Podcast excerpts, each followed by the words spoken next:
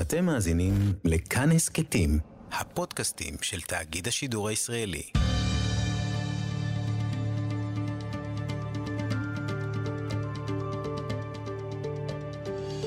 כיוון הרוח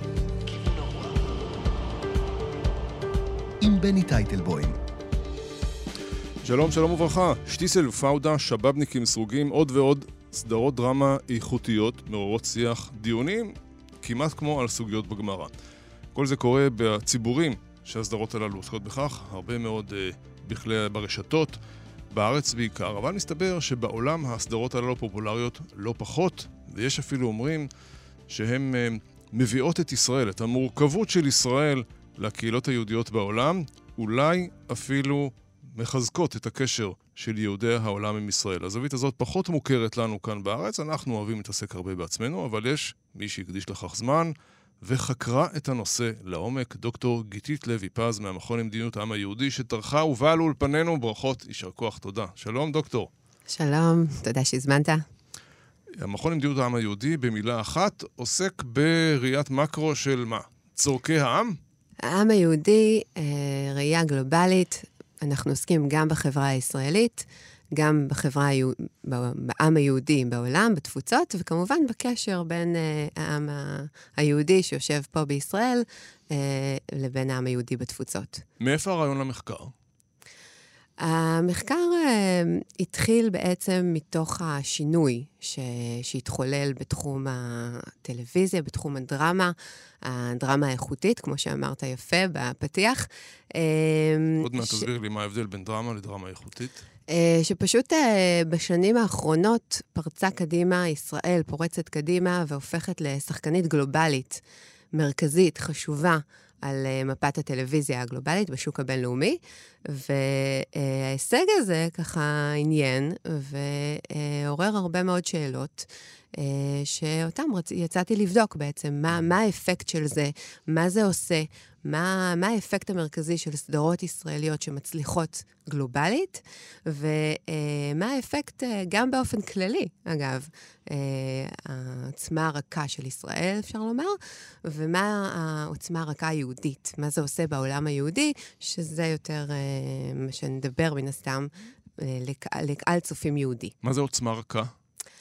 סופט uh, פאוור זה מושג של uh, נאי, מושג מיחבל, יחסים בינלאומיים, וזה בעצם uh, הכוח התרבותי, ה, יש עוצמה קשה, שזה מקלות וגזרים, מה שנקרא. אנחנו מניעים מדינות בדיפלומטיה, אנחנו מניעים מדינות לפעול במפה הבינלאומית, אז אפשר דרך סנקציות ודברים של עוצמה קשה, ויש גם עוצמה רכה, שזה בעצם דרך דיפלומטיה, דרך תרבות. הדברים שהם לא, אה, לא עוצמה קשה, ההפך מעוצמה קשה בעצם. איך עושים מחקר? מה, צופים בסדרות? זה החלק הכיפי, אתה צופה בסדרות. אמ, ויש פה גם ניתוח תוכן של הסדרות עצמן, שזה קשור למורכבות, תכף נדבר על זה, כי המורכבות זה דבר מאוד מאוד מרכזי במחקר הזה. אמ, מעבר לזה, יש את העניין של אה, ביקורות, לנתח ביקורות שכתבו על הסדרות. אני עשיתי גם עבודת שדה בתוך הרשתות החברתיות, שזה בעצם היה ערוץ מאוד מרכזי במחקר, אה, הקבוצות, סיפרתי לך קצת, הקבוצות אה, פייסבוק של הסדרות, למשל אה, שטיסל, קבוצה שיש לה מעל 30 אלף חברים מכל העולם, פעילים, קבוצה מאוד מאוד פעילה, באמת, אתה רואה עשרות פוסטים ביום. שאנשים מחליפים מידע ושאלות, ומרתק. זה נדבר, מחקר בפני עצמו, בוא נדבר על שטיסל. הפייסבוק. סדרה שעוסקת במשפחה חרדית, מה מעניינת אדם על גבול הרפורמיות ב... לא יודע, בסן פרנסיסקו, יהודי. אז uh, מאוד מעניינת, ושטיסל באמת uh, מפתיעה בעוצמת העניין שהיא מעוררת בקהל לא יהודי. Mm. ויהודי, מכל ה-affiliations, כמו שאתה אומר. אמ, ומה שיפה זה שאתה באמת נכנס לקבוצות פייסבוק האלה, ואני שוטטתי בהם שעות ארוכות, אתה, שעות, ימים, חודשים, אה, אתה רואה שם את ההתכתבויות בין אה, יהודים מ-affiliations, מהשתייכויות דתיות שונות. יהודי רפורמי שכותב, אני רפורמי, חונכתי בתנועה הרפורמית, ואני לא מבין, אתם יכולים להסביר לי? וממש מתעורר דיון למשל, מה הוא לא מבין? את זוכרת? כן, יש כל מיני דברים. שואלים, אה, יש שם איזה קטע של אה, גיטי, מי שראה, גיטי הולכת אה, לסופר פארם ומבקשת לקנות מסמרים. היא מבקשת מהרוקח מסמרים. כי הסבתא אמרה לה, לימדה אותה שזה שיעור בענווה וצניעות, וזה קשור לתנועת המוסר היהודית. ומי שלא בקיא לא מכיר את, ה, את כל היהדות, חסידות, את ההיסטוריה הדתית, לא, לא יודע את זה. אז הם שואלים, מה המקור של זה? זה יהודי? מה, איזה רב היא מזכירה שם? מה זה הדבר הזה? ואז מתעורר דיון שלם. ומביאים את המקורות, ומה זה, והמוסר השכל, וזה נורא יפה, ונכנסים לתוך הדיון הזה אה, יהודים מכל, רפורמים, קונסרבטיביים, אורתודוקסים, חר, חרדים, יש שם גם חרדים, ישראלים, יהודים אמריקאים, יהודים מבריטניה, מכל העולם, וגם לא יהודים. שזה גם מעניין. אני התמקדתי בקהל היהודי, אבל uh, גם בתוך השיח הזה יש לא יהודים, שהם בכלל, הם שואלים, uh, מה זה, למה, למה יש פאות? למה הם הולכים עם מגבעות? הם לא יודעים אפילו את זה. הם לא מכירים, הם לא מבינים. חלקם אפילו לא זיהו את הפאות, ואז אומרים להם שיש פאות, אז אומרים, למה אבל? אה, פאות. לנשים, לא לגברים. כן, לנשים. והם מתחילים בעצם uh, לדבר ושואלים למה יש להם את זה, ולמה הם לא נוגעים, ולמה ככה, והמון שאלות, באמת, אתה, השיח שם הוא מהדבר uh, הכי אינפורמטיבי, ועד באמת uh, דיון מעמיק. uh, שמבחינת ההשפעה היהודית, אחד הדברים שבאמת uh, זיהיתי במחקר זה שיש פה לימוד יהודי. אז אני מחלקת את זה לשני סוגים של לימוד יהודי. יש לימוד על יהודים, לימוד סוציולוגי, שהוא קודם כל ללא יהודים. לימוד סוציולוגי, מה, מי זה יהודים, יש חרדים, יש דתיים סרוגים, כי הם רואים גם כמה סדרות. הרי זה שולח אותם לעוד סדרות ישראליות, אז הם רואים גם את סרוגים, והם רואים עוד דברים, והם, ואז הם לומדים. ש... למי שלא זוכר, הסדרה שעסקה ברווקים בביצה הירושלמית בשכונת קטמון. דתיים לאומיים. דתיים לאומיים. שזו קבוצה אחרת. אז, אז יש את ה, באמת את הלימוד על היהודים, הלימוד הסוציולוגי הזה, על היהדות, על כל מיני דברים כאלה, ויש לימוד יהודי, שאגב, אה, אה, אם הזכרת את סרוגים, הזכרנו את סרוגים, כל הדיון בעקרות הלכתית, גם בארץ, עוד לפני שאנחנו מדברים... עקרות הלכתית? כן. עוד לפני שאנחנו מדברים על חו"ל, הרי זה דיון ש...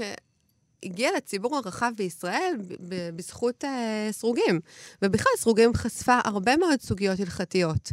Uh, כל הנושא של היחס להומוסקסואלים בציבור הדתי-לאומי, uh, טבילה, המון דברים שהציבור חילוני בישראל לא הכיר. ויש פה לימוד יהודי, ממש סוגיות הלכתיות. עכשיו, שטיסה למשל, יש המון קבוצות שאני ראיתי בפייסבוק, באמת, לא אחת ולא שתיים, בעקבות הפרקים מתכנסים, יושבים בבית כנסת או במועדון היהודי בארצות הברית, הרב או איזשהו מדריך מדבר איתם והם לומדים. יכולים אפילו לפתוח אה, גמרא וללמוד בעקבות שטיסל לימוד יהודי. אז זה ההבחנה פה, ההבחנה, המיון לשני סוגים של אה, לימוד יהודי. לימוד יהודי סוציולוגי, לימוד יהודי ממש קלאסי. לפתוח מקורות, לדבר על uh, הלכות, על uh, דברים שבאמת uh, קשורים להלכה היהודית, למסורת היהודית. רגע, בואי נעשה סדר בשיחה, כי היא מרתקת. קפצנו. אה, כן, לא, איזה סדרות אנחנו מדברים? שחקרת, שצפית לצורך המחקר. בעיקרון דיברתי על התופעה הגלובלית באופן כללי. התמקדתי לצורך המחקר עצמו בשלוש סדרות, שכל סדרה נתנה לי משהו קצת אחר. בחרתי את פאודה ושטיסל, שהן שתי הסדרות המצליחות ביותר, אה, בוודאי לנקודת הזמן שבה התחלתי. הם אלה שנמכרו, פאודה הייתה הסדרה הראשונה שנמכרה לנטפליקס, אה, וזכתה להצלחה גלובלית מטורפת. אחריה שטיסל. ו, אה, והם היו הבחירה העיקרית. בנוסף, בחרתי את הנערים, אה, שהיא עניינה אותי מזווית אחרת. היא סדרה שפחות הצליחה, היא גם הוזמנה על ידי HBO מחגי לוי באופן ישיר. העניין שלי בנערים היה שהיא מביאה משהו אחר לסיפור הזה. אם, אם הפאודה ושטיסל מביא לנו עוצמה רכה ישראלית ויהודית, שהכוונה היא שזה בעצם... אה, מאדיר במרכאות את השם של ישראל בעולם, פותח דלתות, ישראל עלתה למפה הבינלאומית, וגם אה, רואים הרבה מורכבויות, רואים את ישראל במבטים, ניואנסים, ורואים אותה מאוד זוויות. אה, אז אם היא עשתה את זה, ושטיסל עוצמה רכה יהודית, במובן שבאמת השיח היהודי הזה שנוצר בין יהודים שונים, אה, עמיות יהודית, אנחנו אולי נדבר על זה עוד קצת, עמיות יהודית, סולידריות יהודית, אני בחרתי לקרוא לזה סולידריות יהודית מדומיינת במחקר, על משקל אה, הקהילות המדומיינות של בנדיק אנדרסון, שזה בעצם הלאומיות שהיא מדומיינת. אני אוכל להרחיב על זה תכף. אז הנערים, היא מביאה זווית קצת יותר ביקורתית על ישראל. ועניין אותי לשאול מה סדרה כזו עושה בעולם, מה האפקט שלה, גם מבחינת ישראל, גם מבחינת העולם היהודי.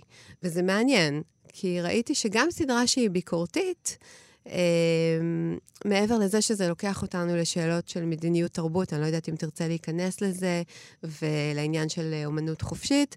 מעבר לזה, יש פה... בסוף... יש פה אומנות חופשית. כלומר, סדרות נעשו נכון, בלי נכון. קשר אבל ל... היה פה, אה, היה שיח מאוד ביקורתי. אני, אני לא יודעת אם אתה רוצה להיכנס לזה, ואם כן אפשר, אני רק אסיים, שגם הנערים, מבחינת... Uh, כשאתה מסתכל על זה תרבותית, וכשאתה מסתכל על האפקט של זה, אז אני ראיתי המון תגובות שאמרו, קודם כל, כל הכבוד לישראל, מה זה המון? ראיתי תגובות כאלה, לא המון, גם לא היו המון תגובות, אבל... אה, יפה שהם עושים את החקירה, לא, אין ניסיון לטאטא מתחת לשטיח מקרה שהוא יותר מורכב.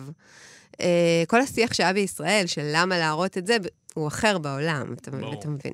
אז יש פה, זו סדרה יותר מורכבת, היא יותר קשה. לי כישראלית היה קשה לראות אותה, אבל היא גם חשובה ויש לה את האפקט שלה, והיא לאו דווקא עושה נזק בניגוד לחלק מההאשמות. זאת אומרת, זה באמת יותר מורכב. יש לה גם דברים טובים שהיא עשתה, שמראים גם את הצד הדמוקרטי-ליברלי, החירות האמנותית באמת, החופש לדבר על הכל, העניין שבודקים, שעושים בדק בית. אמ, אז גם לזה היה בסופו של דבר מין אפקט טוב, אפשר לומר, ו- וזה בהחלט מראה את המגוון. שיש פה הכל מהכל, גם את זה יש, שזה גם לפי דעתי מוסיף במונחים של עוצמה רכה כזו, ושל איך ישראל מצטיירת בעולם. אמ, וזה זה, זה מעניין, זה מעניין, כי היא גם חושפת הרבה דברים, הרבה מורכבויות.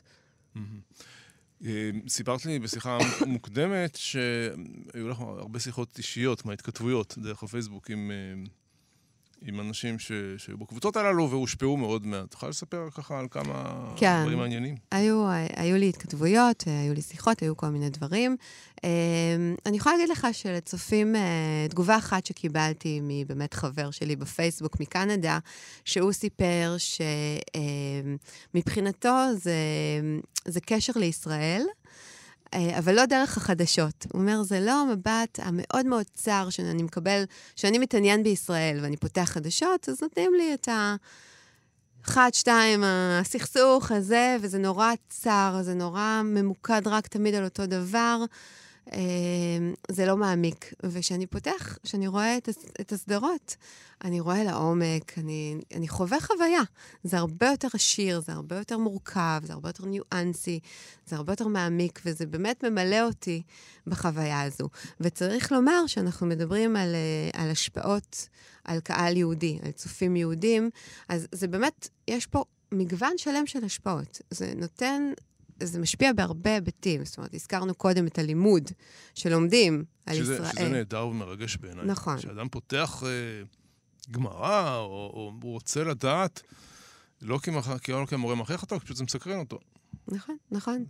אה, לומדים, לומדים על ישראל ולומדים על היהדות ולומדים על יהודים, אה, וזה באמת מרתק. אה, וזה פשוט אה, באמת... אה, מגוון שלם של השפעות, שלמשל, אה, באמת, יש כל כך הרבה דוגמאות. אה, רדיו אוהב דוגמאות, גם פודקאסט. אז זהו, אז באמת לגבי צופים לא יהודים, הרבה פעמים אפשר לראות שיש פה לימוד ממש בסיסי. לימוד בסיסי על יהודים ולימוד בסיסי על ישראל. מה זה הסכסוך? מה... יש אנשים שפעם ראשונה בכלל שמעו על ישראל, לא הכירו שום דבר.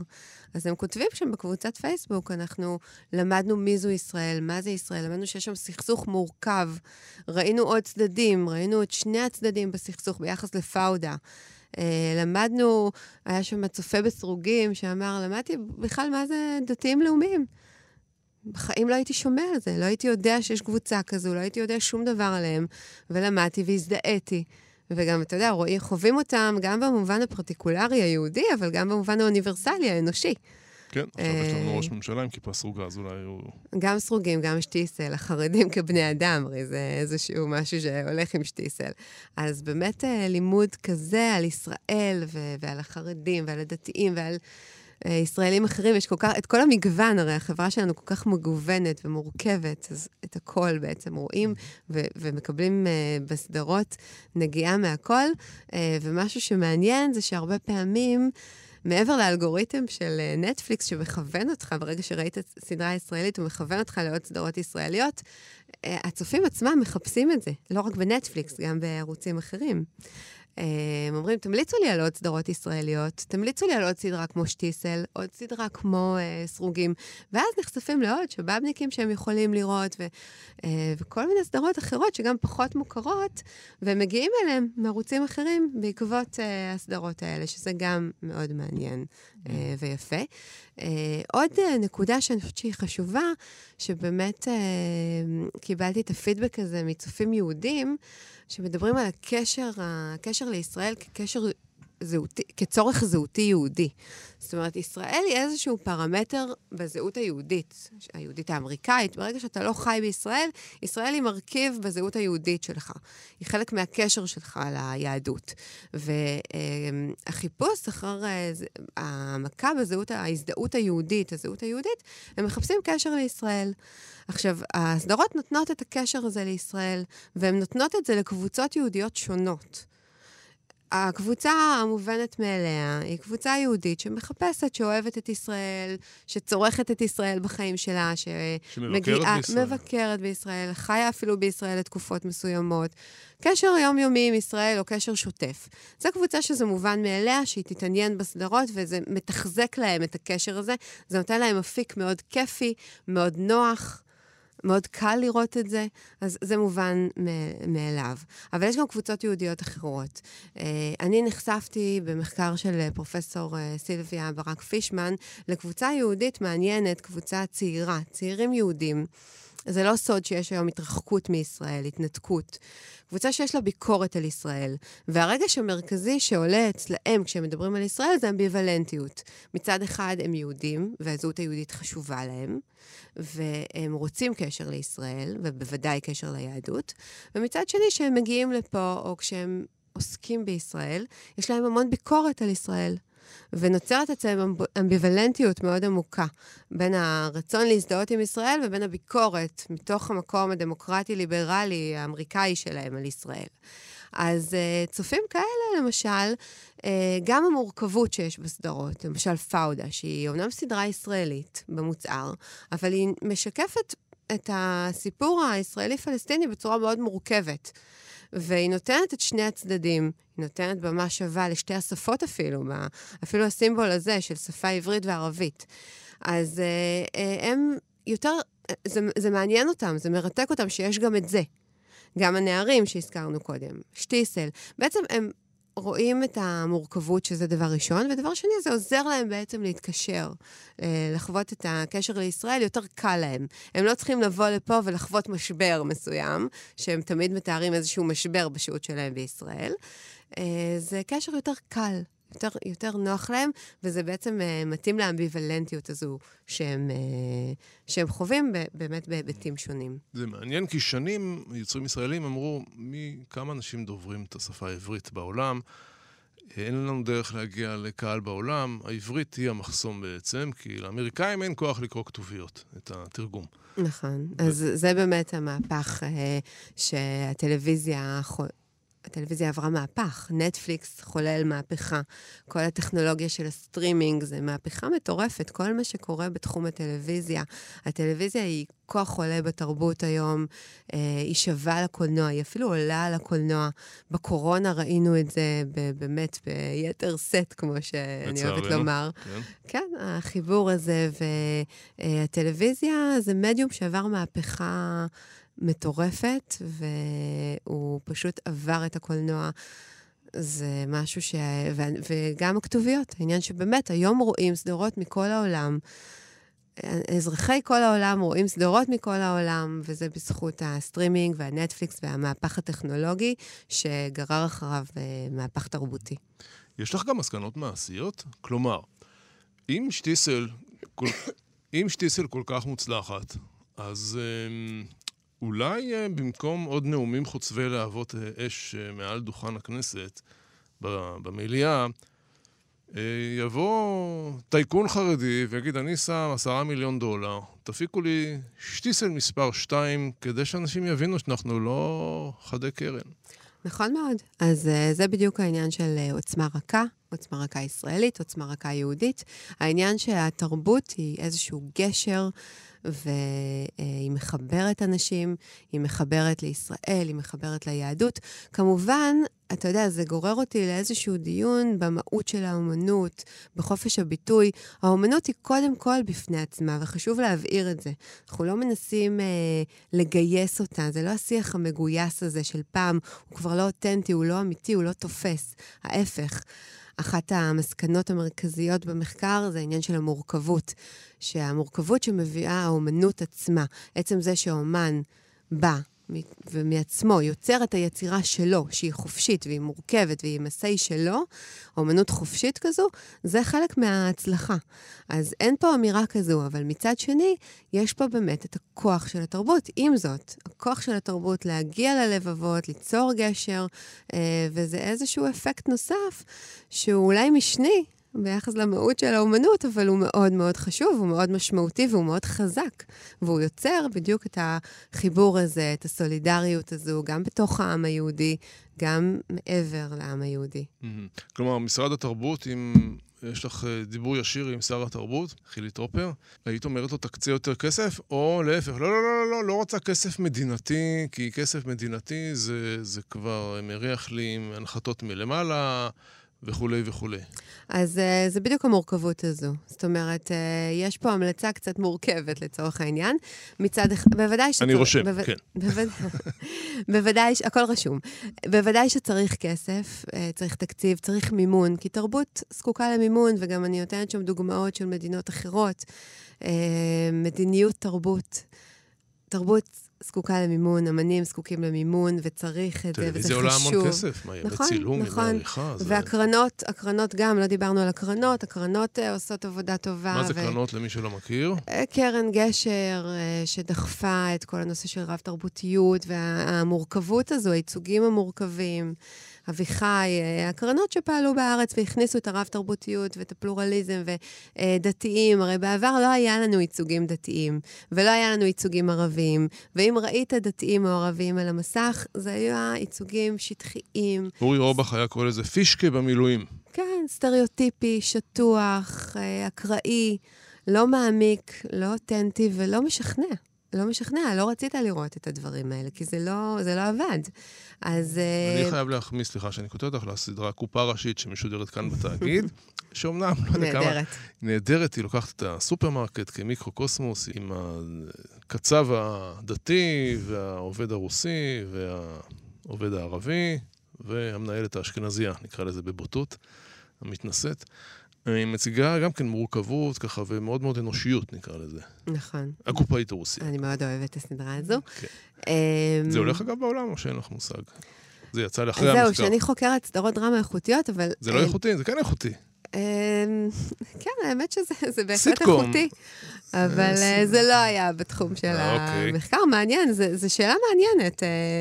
אה, איך סדרה כזו, הרי אין חוקים, אתה יודע, אתה יכול uh, לקחת את uh, שטיסל ולהגיד, זה כל כך uh, uh, סגור, זה כל כך סגור ומסוגר, העולם החרדי, למה שזה יצליח? והנה, אתה רואה איזו הצלחה מטורפת. נדמה לי שעמוס עוז אמר פעם שהכי אישי והכי לוקאלי והכי קטן זה הכי בינלאומי בסוף. כולנו בני אדם.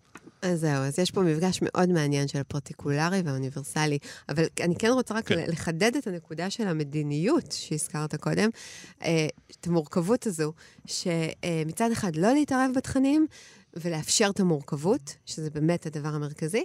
מצד שני, אני אומרת, למה לא להשתמש בזה וכן לעודד יצירה בתחומים חברתיים, בדיוק כמו שהקרנות עשו. הרי אם לא היינו עושים את, אם לא היו עושים את הדברים האלה, יכול להיות שלא היינו מגיעים לראות מרכז ופריפריה, אה, ערבים, פלסטינאים, דתיים, על, אה, מכל הקשת הדתית. זאת אומרת, זה כן חשוב אה, לתת, שה, שהממשל כן יעודד עיסוק במגוון החברתי שיש בישראל, גם כי זה מעניין וגם כי זה חשוב לחברה הישראלית. מתוך ראייה ישראלית אני מדברת כרגע. Mm-hmm. אז, אה, אז כן, לעודד ריבוי שיח חברתי, תרבותי, עשיר, פלורליסטי, רב-תרבותי, באמת המגוון והשפע, ומצד שני, לא להתערב בתכנים. לא, אה, זאת אומרת, לממן, לעודד שיח עשיר, אבל לא להתערב בתכנים. זה קצת מורכב, אבל אפשר לעשות את זה. ו- וזו ההמלצה, זו ההמלצה המרכזית במחקר. יש עוד המלצות. דוקטור גיתית לוי פז, אני רוצה שקצת נשמע ככה טעימה קטנה, כדי שנוכל בכל אופן להתייחס להשפעות, להידודים. אגב, גם בתוך הארץ זה השפיע מאוד לא רק על יהודי העולם, גם הם אמרו, אה, לא ידענו שהחרדים כאלה מעניינים. בואו נשמע קטע או שניים. הם פשוט אוהבים את הדג שלהם קצת יותר חריף משלנו, זה הכל. על מה אתה מדבר? את יודעת מה אומרים על גירוש ספרד, גיטי? שמאותן משפחות, מאותן משפחות ממש, חלק ברחו למזרח אירופה וחלק ברחו למרוקו וכל זה. היא מרוקאית? אלג'יר. אז מה יש לדבר בכלל? אבל גיטי, זה דור אחר עכשיו, זה כולנו יהודים. זה שפעם היו מקפידים לא להתחתן עם... זה לא אומר שזה באמת איזה... אני מבקשת ממך, תעזוב את זה. שלא תחשוב אפילו לספר ליוסלה שמצאת אותה. אני רוצה שנהיה מסוגלים במשפחה הזאת לעשות משהו אחד כמו שצריך, לפי הספר. אבל. משהו אחד כמו שצריך. אפשר? הנושא המוכר והידוע. כן, אז אה, קודם כל, אני חושבת שזו דוגמה טובה, אה, כי באמת יש פה בדיוק את מה שדיברנו קודם, האוניברסלי והפרטיקולרי. זאת אומרת, יש את העניין הזה שהיא אומרת, פעם אחת שנהיה משפחה נורמלית, שזה בעצם האוניברסלי, העניין המשפחתי, אה, כל משפחה מכירה את השיח הזה, לפחות רובן. אה, ומצד שני, באמת העניין הזה של הגזענות והאשכנזים, מזרחים, שזה יותר חזק ב... הרבה יותר חזק uh, בחברה החרדית והמתחים האלה. אז, uh, אז יש פה את האותנטיות של החרדיות, ויש פה את הדבר האוניברסלי, ו, וזה באמת משהו שאפשר להגיד על שטיסל, שזו פשוט יצירת אומנות טובה, כי היא באמת עושה את השילוב ה... כל כך אמין ומיוחד ומשכנע בין האוניברסלי לפרטיקולרי בצורה אומנותית. עוד טעימה ונתכנס לסיום. אז איפה אתם אוחזים, יוסלה? גיטין. אנחנו עכשיו בסוגיה של תקון הסכת. או, אני זוכר את הסוגיה הזה טוב. יש שם את הקצייס הידוע. שהסיבה שלא צריך זמן בגט זה כדי שיהיה איידוס שאתו יכול להזימו. סיר גוט. לאיזה חוסן זכינו. טוב, אתה צריך לנוח סנדר. ככה הרופאים ביקשו, נכון? אני מציעה שהזוג הצעיר ילך, יעשה פה איזה טיול קטן, ואני וההורים של החתן אה, נסגור פה כמה דברים קטנים במסדרון. בסדר. אפשר ללכת לטייל בגן שמאחורי הבית חולים, ממש יפה שם. הכל טוב. רפואה שלמה. מבטא יידישאי, ואני נסגור כמה דברים קטנים במסדרון, שאני מניח שזה ענייני uh, כסף. בוודאי. Uh, מאוד יהודי. ופה באמת אה, מה שדיברנו על עוצמה רכה יהודית, העניין הזה של אה, העולם היהודי, הזכרתי קודם קצת עמיות יהודית, החיבור הזה של, אמרנו, גם לא יהודים, אבל אם נתמקד רגע ביהודים, החיבור של יהודים מכל העולם, למשפחה הזו, למשפחת שטיסל מירושלים, ואיזה סולידריות יהודית זה יוצר, בין אם היא אה, אמיתית ובין אם היא מדומיינת, זה, יש פה את האפקט של הסולידריות ואת החיבור, וזה חיבור יהודי, וזה נהדר. והציבור החרדי, גם את זה צריך לומר, מאוד אהב את הסדרה, למיטב ידיעתי לפחות. אה, יצרה גם שיח פנימי מאוד חזק, אה, גם על חופש האומנות, אם את זוכרת, הרכיבה לציור. כן, אצל החרדים זה קצת יותר מורכב, אה, היו גם ביקורות. אה, העניין הזה בכלל של אה, טלוויזיה, אתה יודע, זה גם תלוי איזה קבוצה חרדית. לא, החרדים זה לא מקשה אחת. ברור, משהו ברור. שלמדנו מהטלוויזיה.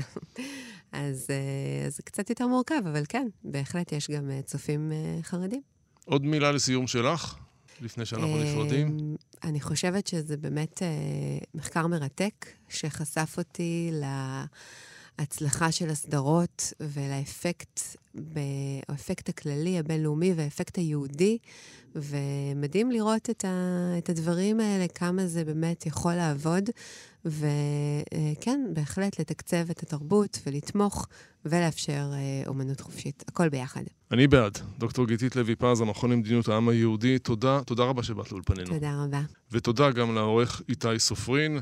אפשר להזין לנו באתר כאן, ביישומון כאן, בכל יישומוני ההסכתים, דף הפייסבוק כאן הסכתים. אני בני טייטלבום. הרבה טוב, שיהיה הרבה אור, תודה ושלום. כיוון הרוח